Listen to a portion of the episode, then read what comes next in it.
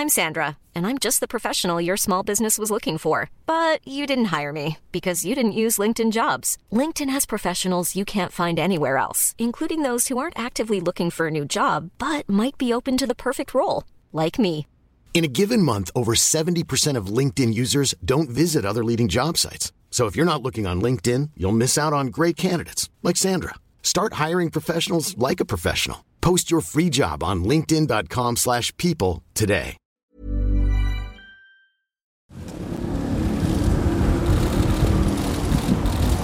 Du, du, du, du. Right. Du, du, du, du. And the rest is history, har jeg lyst til at sige. Det her det var nogenlunde det sidste, vi hørte til David Cameron som premierminister tilbage i 2016. Den her optagelse er fra lige efter hans afskedstale foran Downing Street nummer 10. Han gik og nynnede lige ind til døren, den smækkede i. Men nu er han tilbage. Øh, hvad er egentlig det mest mærkelige ved det, Rikke? Der er mange ting, man kunne pege på, synes ja. jeg. Um, jamen, at manden, der gav os Brexit uden at ville det, uh, og lod det være op til andre at rydde op efter ham, nu pludselig bliver tryllet op af hatten for at redde en synkende regering, ledet ja. af en politiker, der står for det modsatte af, hvad Camerons eget konservative projekt var. Det er måske det, jeg synes er mest mærkeligt. Det er ligesom om, der er en hel liste over, hvad der er mærkeligt ved det her. Lad os tale om noget øh, af det i dag. Altså, kort sagt, den nuværende premierminister Rishi Sunak har gjort David Cameron til udenrigsminister i den her uge. Det kan udløse ny tumult øh, hos de britiske Tory'er. Øh, spørgsmålet er, om vi begynder at skimte et valg i Storbritannien øh, ude i horisonten, og måske et magtskifte om ikke så længe. Og hvad sker der så med forholdet til EU? Det skal vi tale om i dag. Velkommen til. Je suis venu vous parler d'Europe. Together we can achieve incredible things. Europa skal stå stærkere i vores egen ret. Europa ist unsere Zukunft. Du lytter til Altinget taler om Europa med Rikke Albrechtsen og Thomas Lauritsen.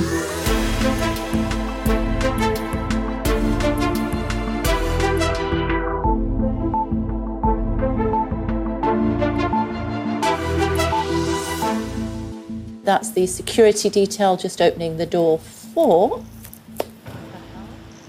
David, David Cameron. Cameron? Wait.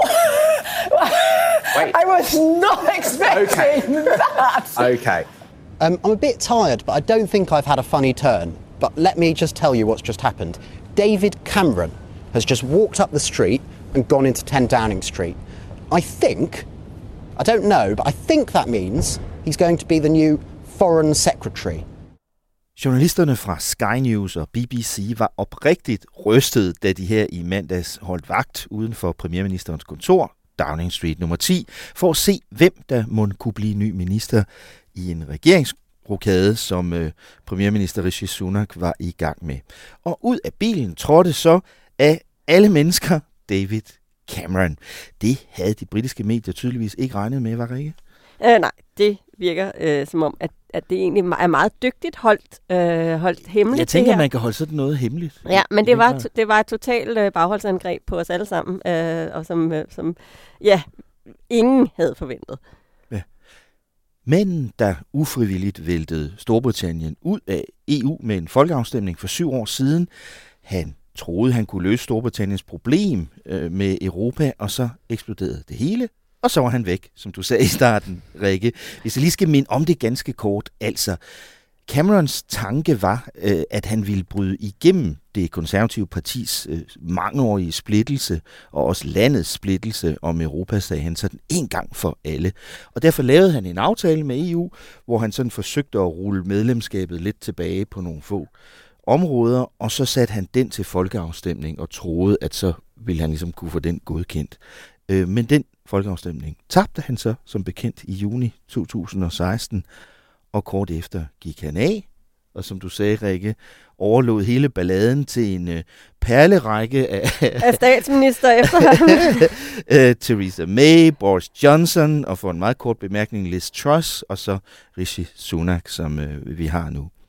I nogle år hørte vi næsten ingenting til David Cameron, og så i 2019 udgav han en selvbiografi, Den fik titlen For the Record, og den er faktisk interessant nok at læse. Øh, blandt andet er det meget sjovt at læse nogle af Camerons anekdoter om Boris Johnson.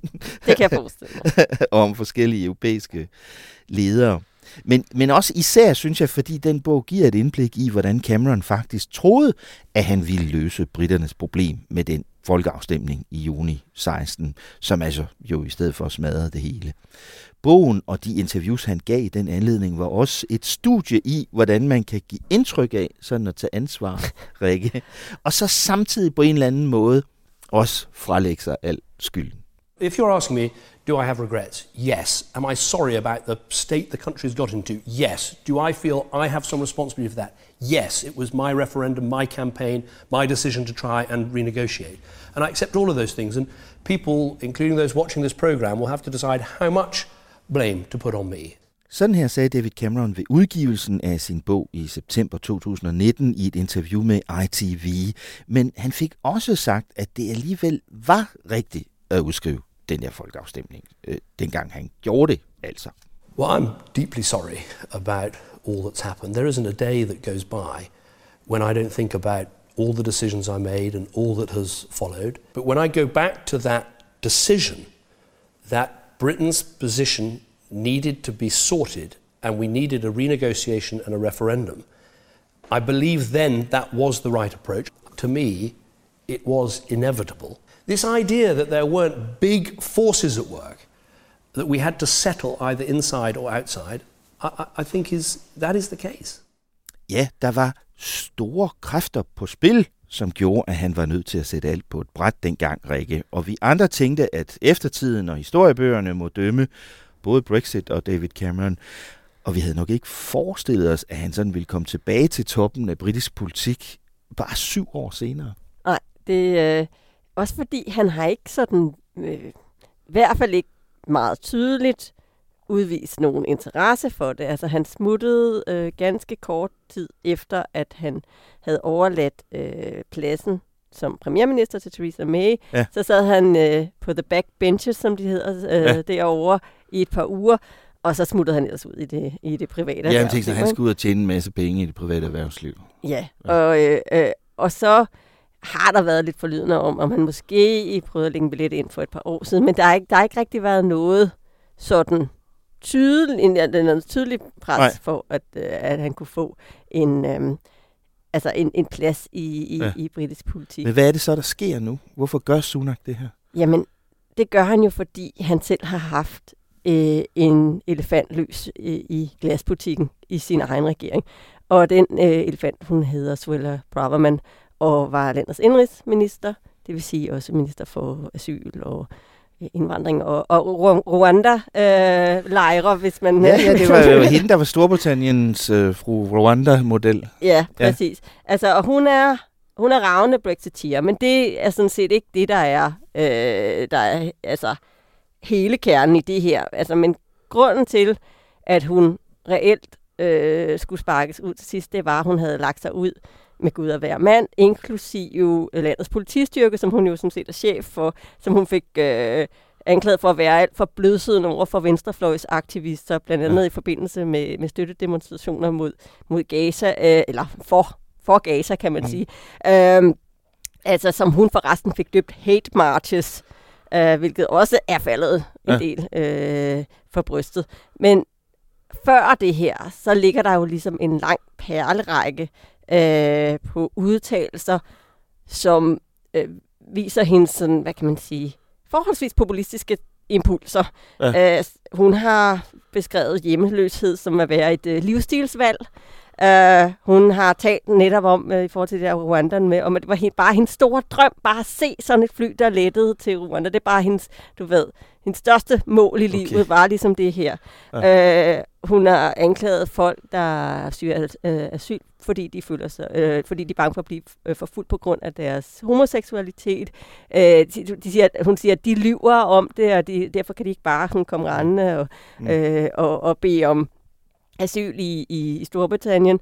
Og helt generelt, så har hun ligesom kørt sådan en kampagne også altså mod sådan det, hun ser som The Guardian Reading Tofu Eating Wogarati, så hun beskriver det som, at, uh, at folk, som, uh, som ikke ligesom, du ved, køber ind på hendes, hendes sådan, uh, højrefløjs det er sådan nogen som dig og mig, Rikke. Ja, ja, ja, ja det, det der med tofu øh, spiser som vegetar, kan jeg jo godt se, øh, føle mig lidt ramt. Ikke? Men, øh, men altså, det, så det vil sige, der har været... Hun har været en hardliner Hun har været regering. en super hardliner, men når hun så også begynder at netop lægge sig ud med politiet, ja. så begynder det altså at blive svært. Ikke? Og så, var, og så var, må man også nok lige skæve til, at der senere i den her uge, hvor hun jo røg i mandags, jo også ventede en højesteretsdom øh, om hele øh, mm. planen om at øh, ja. øh, udskibe asylansøgere til Rwanda, øh, hvor hun jo havde truet med at hive øh, Storbritannien ud af internationale konventioner og, mm. og så videre, hvis øh, det, øh, altså retten ikke gik deres vej, hvilket mm. den altså heller ikke gjorde. Så det var måske heller ikke ideelt for øh, Sunak at have en Nej. gående, som han måske ikke helt kunne styre i forhold ja. til, hvad hun, øh, hvad hun fik sagt så, så det, det. det. Det blev for meget for premierministeren, øh, og, og, og han skilte sig af med hende, og det sætter sig gang i en rokade, og det er der, øh, vi, øh, vi får David Cameron ind i billedet. Ja, fordi så har han ligesom brug for en sikker øh, hånd på rettet, og der kigger han så over mod Udenrigsministeriet, hvor James Cleverly sidder, som har øh, sådan set passet den biks meget fornuftigt. Som er sådan en ret pragmatisk, ja. øh, solid type. Ja, ja. og øh, øh, han bliver så rykket derover, og så er det, at vi pludselig har en plads ledig, hvor man skal finde nogen. Og så kan man sige, jamen, øh,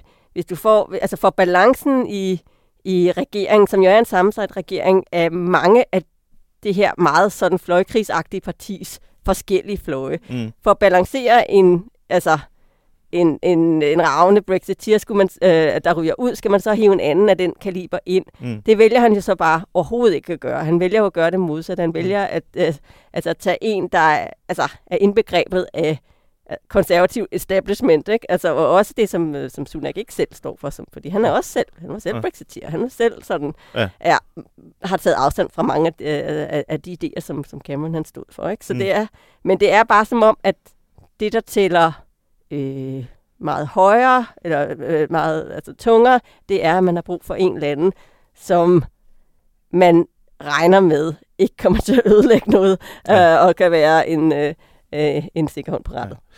Så han gør James Cleverly til ny indrigsminister, og så chokerer han alt og alle ved at gøre David Cameron til udenrigsminister. Det må have været lidt underligt for David Cameron, tænkte jeg, Rikke, sådan forleden dag, pludselig at sidde i den lejlighed på første sal i Downing Street nummer 10, hvor han selv er boet med sin ja, familie i seks år. Ikke? Øh, fordi premierministeren bor jo oven på øh, premierministerens kontor der i Downing Street. Det må have været lidt specielt for ham at sidde i sin egen lejlighed, og så nu være på besøg hos en anden premierminister til ja. en slags jobinterview. Ja, helt sikkert. Well, I know it's not usual for a Prime Minister to come back in this way, but I believe in public service. The Prime Minister asked me to do this job, and it's a time where we have some daunting challenges as a country. I've decided to join this team because I believe Rishi Sunak is a good Prime Minister doing a difficult job at a hard time. I want to support him. I'm a member of the team, and I accept the Cabinet collective responsibility that comes with that. Her siger David Cameron jo, at han godt ved, at det er usædvanligt for en premierminister sådan at komme tilbage og blive øh, udenrigsminister, men det er jo egentlig ikke så usædvanligt set med vores briller, Rikke. Nej, i hvert fald ikke lige for tiden. Ikke? Vi har jo øh, et eksempel i Danmark med Lars Lykke Rasmussen. Det har vi nemlig. Som sidder i Udenrigsministeriet.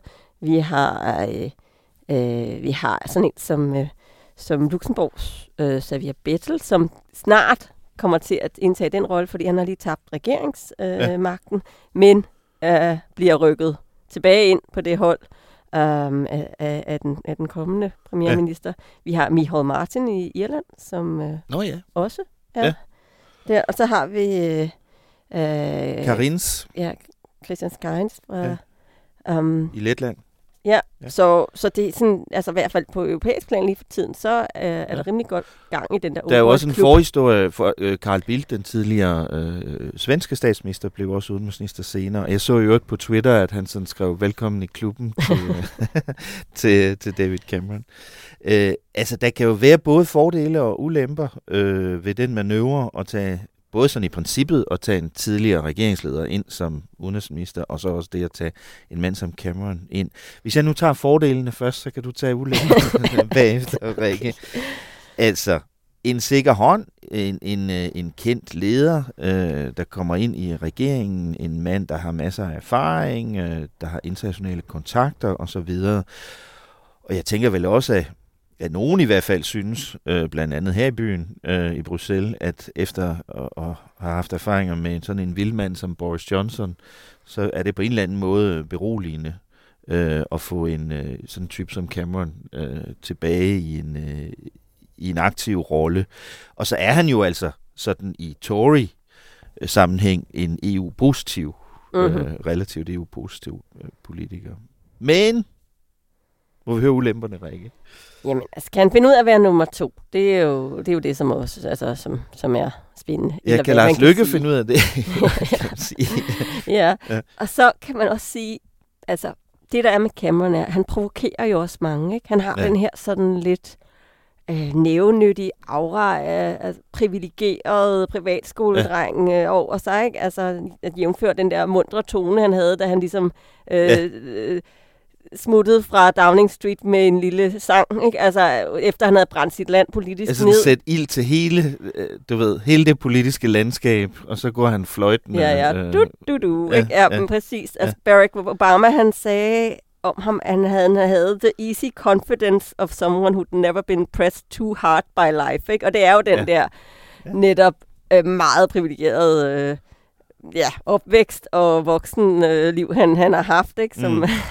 som en del af, af, af den britiske elite. Mm. Og så har man jo heller ikke glemt netop det der med, at han bare stak af efter, øh, efter Brexit. Og det var jo også, skal man også huske, efter nogle år, øh, hvor han, det var, altså var ham, der grundlagde hele det, som de kalder for austerity øh, over i, i Storbritannien, hvor man efter finanskrisen jo tog nogle virkelig, øh, altså virkelig skar dybt i de offentlige budgetter, ja. og fik ligesom pillet alt det ned, som skal sikre sammenhængskraften i et land. Ikke? De offentlige tilbud, den sociale ja. sikring, sundhedsvæsenet, skolerne, alt det der, som jo altså også var med til at puste til, til Brexit i den dengang. Ikke? Jo. Um, og så hvis man så ser lidt på, hvad han har bedrevet, øh, mens han øh, så har været ude af Downing Street, så har han jo blandt andet øh, en kort overgang været formand for China UK Investment Fund, som af mange bliver ja. set som sådan en eller anden form for,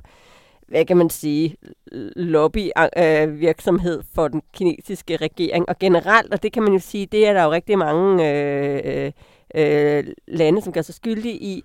Øh, det, det var, at han det set under sin regeringsperiode som at være for naiv i forhold til Kina og for, øh, i forhold til, hvilken indflydelse landet skulle, mm. øh, skulle få lov til øh, at have, og hvor tæt man skulle komme på ja. et autoritativt regime. Og det var jo, det er jo en, øh, altså, det er en lektie, som, som alle har ligesom skulle lære sig selv ja. øh, i løbet af de seneste år, men men han har i hvert fald været meget, meget sent til at, ja. at fatte det, og nu skal han jo sådan set repræsentere sit land ja. i forhold til Kina. Han er jo også blevet kritiseret i den her periode, hvor han har været ude af politik øh, for at... Øh, at, at være sådan meget aktiv lobbyist, og egentlig også bruge sine tidligere kontakter i regeringen. Ja, præcis. Altså særligt i måde. det, der hedder Greensill-skandalen, hvor, øh, hvor han lobbyede på vegne af et, øh, et øh, firma for finansielle tjenester, der hed Greensill, øh, hvor han netop også, du ved, sendte, øh, sendte sms'er til... Øh, kan du gætte, hvem det var, han sendte sms'er til? Nej. Jamen, det var jo den siddende finansminister på det tidspunkt. Rishi Sunak. Ah, øh, dejligt. Ja. um, for at få, øh, altså for at få dem øh, til gode set i, i, i de corona-hjælpepakker, der, der var. Ikke? Så de har holdt kontakten, kan man sige? Ja, det gjorde de. Det ja, gjorde ja. de. Um, så, og den, altså det, det ser bare heller ikke sådan mega kønt ud. Nej. But I believe in public service, siger han nu, ikke? Jo. Og så kommer han tilbage. Kan vi sige noget om, hvad det måske betyder for EU? Jeg var lidt inde på det før, Rikke, at, at man måske på en eller anden måde kan sige, at han er da i det mindste en sikker hånd, og vi ved, hvem han er og hvad han står for. Ja, um, og det, er også, det passer også. Det, altså, folk er ikke sådan, altså, udover at de kunne holde op med grine. ja, ja, fordi det er lidt absurd. Ja, um, ja. Altså, men så er der det med, at det faktisk det gik faktisk rigtig godt med James Cleverly. Altså, ja, det, han, det har han har virkelig af. været mm. den, øh, ja. også efter en periode med øh, noget mere sådan øh, kontroversielle udenrigsminister, ja. blandt andet Liz Truss, som virkelig øh, ja, ikke var bange for at, øh, at, at lægge an til konflikt med, ja. med EU. Altså, så har han øh, altså, han er kommet godt ud af det med ham, der er chefforhandler øh, på alle, alle ting Brexit øh, øh, for EU-siden øh, nu, som er Maus Shevchevich, der mm. er ja. lige blevet forfremmet til valgledende næstformand ja. i, i kommissionen. Um, han har været netop altså, pragmatisk, og så ikke at øh, underkende, han har også været der i et, et helt år og to måneder, hvilket er, øh, altså det er ikke, det er ikke mm. kort tid, altså det er, ja Altså, der har været seks forskellige udenrigsminister siden, siden afstemningen. Uh, så der er ikke, altså, der kontinuitet er ikke det, som vi har set allermest Nej. af. Ikke? Så, det, så det, der, det der med at skulle ud og geninvestere i forholdet til en ny person, også netop, øh, som du også lavede op til i starten, øh, på et tidspunkt, hvor vi jo faktisk ikke ved, hvornår det næste valg kommer. Det skal komme allersenest den 28. januar 2025, men det kan jo sagtens blive udskrevet før. Ikke? Ja. Og der sidder man jo altså på, på EU-siden og siger, Øhm, gider vi investere i noget, når vi nu ser på ja. meningsmålingerne, at Labour jo stadigvæk fører, og øh, gider man så bygge altså prøve på at få øh, løst nogle af de sidste knaster, der er, og arbejde videre på noget, ja. øh, og se, om man kan udvide samarbejde og sådan noget, men nogen, hvis det hele ligesom bare kan blive helt af brættet, fordi der kommer en ny regering ind, som har en anden dagsorden på det her. Ja, og vi får jo også at se, hvordan øh, Cameron i den her rolle vil blive opfattet øh, af de andre politikere i House of Commons, for eksempel, fordi en lille krølle på den her historie er jo, at, at normalt, når man bliver gjort til minister i en, i en britisk regering,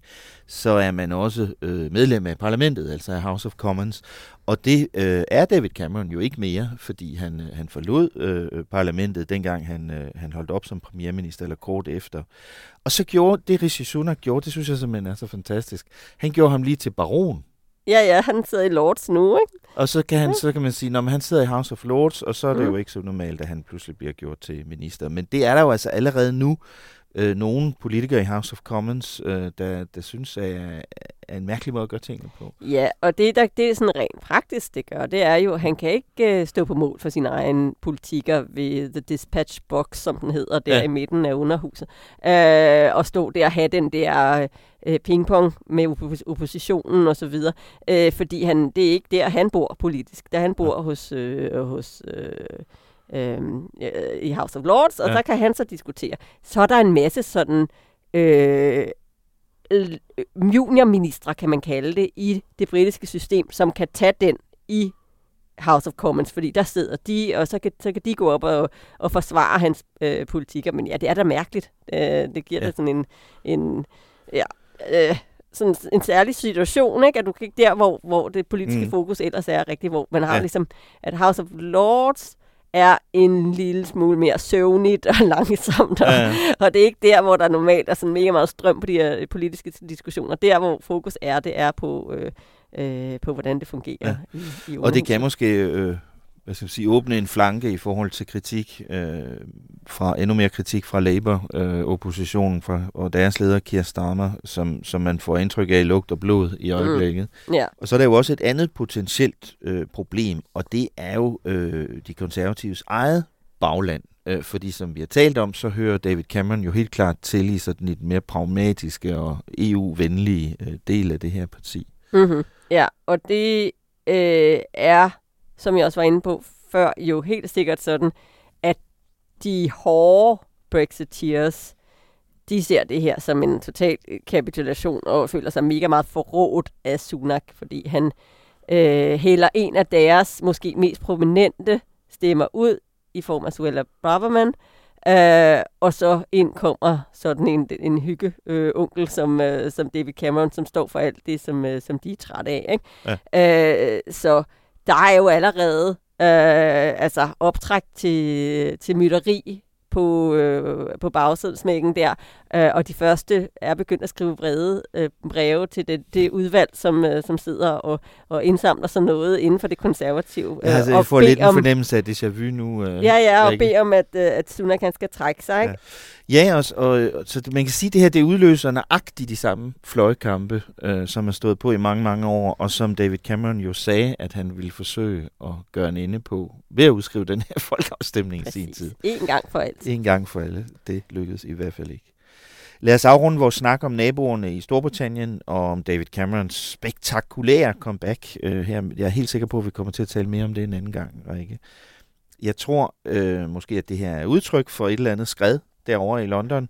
Måske er det den konservative dødskamp i Westminster, der er begyndt ved udsigten til et valg og måske et magtskifte. Nu skifter vi emne. Vi skal tale lidt om den debat om EU's fremtid, der for alvor er ved at tage fart. Det gav anledning til et utraditionelt møde på Christiansborg i den her uge. Der er en række lande, som ønsker at blive medlem af den europæiske union. Det er set med europæiske briller rigtig godt, men det stiller os også over for nogle rigtig, rigtig store udfordringer, både i forhold til, hvordan vi internt samarbejder i et EU, der allerede har 27 medlemslande og skal vokse sig større, hvordan vi organiserer os på arbejdsmarkedet, øh, og hvordan vi sikrer, at de lande, der ønsker at blive medlem, faktisk også er klar til at blive medlem af den europæiske union. Det er ikke så tit, at der sådan er en slags europæisk topmøde på Christiansborg. Men her tirsdag aften havde statsminister Mette Frederiksen besøg af en flok regeringsledere fra fem andre EU-lande. Det var lederne fra Sverige, Finland, Letland, Irland og Bulgarien, der var på besøg, og det var de sammen med formanden for det europæiske råd, Belgieren Charles Michel. Vi skal tænke over, hvordan vi tager beslutninger i fremtiden, når der måske lige pludselig en dag ikke er 27, men over 30 medlemslande, sagde Michel. Together, uh, 27 member states, it is uh, not easy to make decisions uh, with more than maybe 30 member states in the future. It means that we need maybe to, to think how we should adapt our decision-making uh, process. Man kan ikke rigtig lade være med at spørge sig selv om, hvad det egentlig er, Charles Michel er ude på øh, med det her øh, rejsende fremtidscirkus, han har sat i gang, Rikke. Bare lige sådan kort opsummerende, så starter det, det er fire møder med forskellige grupper af stats- og regeringsledere. Øh, det startede mandag øh, med lederne, selvfølgelig med, med Scholz, som var vært i Berlin sammen med, med Charles Michel, men så lederne fra Grækenland, Østrig, Belgien, Kypern, Ungarn og Litauen i Berlin, altså i mandags. Så var det i København tirsdag, og så her øh, torsdag øh, i Zagreb i, i Kroatien. Det var så i går aftes her, vi, vi optager fredag formiddag, så jeg ved ikke så meget om det endnu, men jeg læste, at det for eksempel var lederne fra Polen og Italien og Malta, der var på besøg i Zagreb sammen med Charles Michel.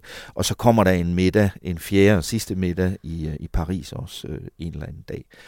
Og tanken er altså at tale sådan om de store fremtidige øh, udfordringer i nogle mindre grupper af, af lande. Rikke, hvorfor er den her debat brudt ud i, øh, i EU nu? Altså det kedelige svar, det er, at de simpelthen skal øh, have skrevet det, som man kalder for den strategiske dagsorden. Det er simpelthen en, øh, en bundet opgave, ja. som øh, øh, de skal være færdige med til juni, fordi ja. så kan de øh, lægge en fin rapport klar til den kommission, som skal overtage, når øh, den nuværende er øh, færdig med at, øh, at øh, med sine fem år øh, øh, i, i de stole, og, og så kan de så skille til det her, for, når de bygger øh, deres arbejdsprogram ja. op, og så kan de sige, okay, men det er det her, som øh, folkene ude i regeringskontorene gerne vil have, at vi fokuserer på. Men den det var lidt, den kedelige Ja, det var lidt mere sexet, hvis vi skal finde på sådan en. Ja. Det, er, det er jo også, at der er nogle virkelig store dagsordner på vej. Ikke? Der er hele udvidelsesspørgsmålet. Hvordan gør vi os selv klar til øhm, at, øh, at rumme de her øh, flere lande, øh, som sidder i venteværelset. Selvfølgelig især Ukraine, som er jo et enormt stort og meget fattigt land. Ikke? Yes, ja. så, den, så, så der både, hvad gør vi på de interne linjer, men også, hvad, hvad, øh, hvad sætter vi egentlig af krav øh, op, op for dem. Ikke? Ja. Øh, og så er der sådan, altså du ved, hvad sker der i, i verden? Hvordan skal EU placere sig? Hvordan bliver, øh, bliver vi med med at... Øh, på en eller anden måde spille en rolle i forhold til, altså, til teknologi og mm. øh, til miljø og altså ja. alle de her store ting, som vi ikke bare sådan kan løse øh, øh, derhjemme. Ikke? Ja. Så for, for ligesom at prøve at få styr på den her debat, så har Michelle stillet tre spørgsmål om, altså hvad det er, de vil, hvad det, hvornår det skal ske, og hvad det må koste. Mm. Mere eller mindre, ikke? Ja. Og den debat skulle de allerede have i Granada, hvor øh, de mødtes jo i starten af oktober ja. til et uformelt øh, øh, øh, topmøde. Det var der, du var nede. Det talte yes. vi også om. Og det var også der, ja. hvor de så blev enige om, at det gik faktisk ikke særlig godt. Folk, altså de, alle de 27 sad ligesom bare og læste op af deres egne øh, talepapir, og der var ikke rigtig ja. den der sådan, altså, du, øh, diskussion, som, som Michelle faktisk gerne vil have. Ja. Så derfor så besluttede man sig for, at nu tager vi en lidt mere intimt format, ja. hvor der er bedre muligheder for at øh, udveksle idéer og øh, komme lidt mere i dybden, og også bare sådan, altså få det lidt op at flyve. Altså, der behøver, de behøver ikke komme med nogen konklusion nu. Som jeg sagde, så er det først til juni, at de egentlig skal ja. bide til bolle ja. med det her. Så, øh, ja. altså, så derfor så, øh, altså, kan de, så kan de sådan altså, tage en lidt bredere diskussion i de her mindre, øh, mm. mindre hvad hedder det? Man kan så fornemme, når man, synes, man taler med nogle diplomater fra forskellige lande her i byen, at det måske er kommet lidt bag på, på dem, at, øh, at det så skulle være lige nu, ja, at ja, Charles ja. Michel øh, straks vil sætte gang i det der gruppearbejde rundt omkring. Altså, da vi begyndte at undersøge det her, ikke, øh, så, var, så var det sådan lidt, det var overhovedet ikke klart, hvad der skulle foregå, og hvem der var inviteret, og sådan noget. Det var og der virkelig var meget øh, sidste øjeblik. mild panik øh, ja, omkring det, ja. for der, der er ikke noget, som, øh, som, som altså, diplomater hader mere, end hvis der ikke er styr på protokollen. Nej, og, det, og det. protokol er ligesom det vigtigste, når man har at gøre med statsregeringschefer. Det. Ja. Ja. og der er sådan et, ingen vidste, hvem der kom, eller hvor det skulle være, og hvad Nej. de skulle snakke om, hvordan det skulle gå. Og, ja. altså, altså det, det, den, har været, den har været rigtig, rigtig svær. Og ikke? der er sådan lidt en fornemmelse af, øh, at, at det måske også handler rigtig, rigtig meget om Charles Michel, det her. Ja. Øh, lige så meget som det handler om EU's fremtid. At, at det er meget, har meget om at gøre, rådsformanden, ligesom at vise, at han driver den ja, her han proces. er handlekraftig, ikke? Ja. Øh, men det er jo selvfølgelig på den anden side rigtigt, at, at, at vi begynder at, at, at, at stå over for ret snart en, en ny stor østudvidelse, som du sagde. Øh, og det vil alt andet lige øh, kræve nogle, øh, nogle forandringer. Prøv at høre, hvad statsminister Mette Frederiksen sagde om der er selvfølgelig en risiko for, hvis ikke landene er klar, og hvis ikke de nødvendige reformer kommer på plads, at, øh, at vi kan få et, et europæisk samarbejde, som i, altså hvor vi lægger forhindringer for os selv. Vi har jo kunnet se først under en pandemi, så efterfølgende en energikrise, og nu øh, øh, en, øh, en, en krig, som fortsætter på vores eget kontinent, at vores evne til at træffe beslutninger hurtigt, øh, samtidig og i fællesskab er fuldstændig afgørende for, øh, hvordan Europa har det. Ja, vi hører statsministeren øh, beskrive her, øh, hvordan hun mener, det er meget vigtigt, at, øh, at EU stadigvæk øh, vil kunne være i stand til at tage beslutninger hurtigt og effektivt i fællesskab, også efter en, en stor øh, udvidelse. Og Rikke, i de her diskussioner om, hvad der skal laves om øh, i, øh, i EU, og også de diskussioner, der var på Christiansborg øh, tirsdag aften, der er jo nogle ting, vi ved på forhånd er kontroversielle for Danmark. Ja, der er jo blandt andet øh, hvad EU egentlig må koste. Altså, øh, det mm. var jo også en af Michels øh, tre ja. spørgsmål, fordi Danmark øh, kviger sig voldsomt ved, at ja. EU skal have et større budget. budget. Mm. Og det betyder også, og det har vi også hørt fra udenrigsministeren, øh, at, øh, at man skal se på for eksempel under hvilke vilkår forskellige politikområder skal, mm. øh, skal overleve i fremtiden. For eksempel landbrugspolitikken, ja. for eksempel regionalpolitikken.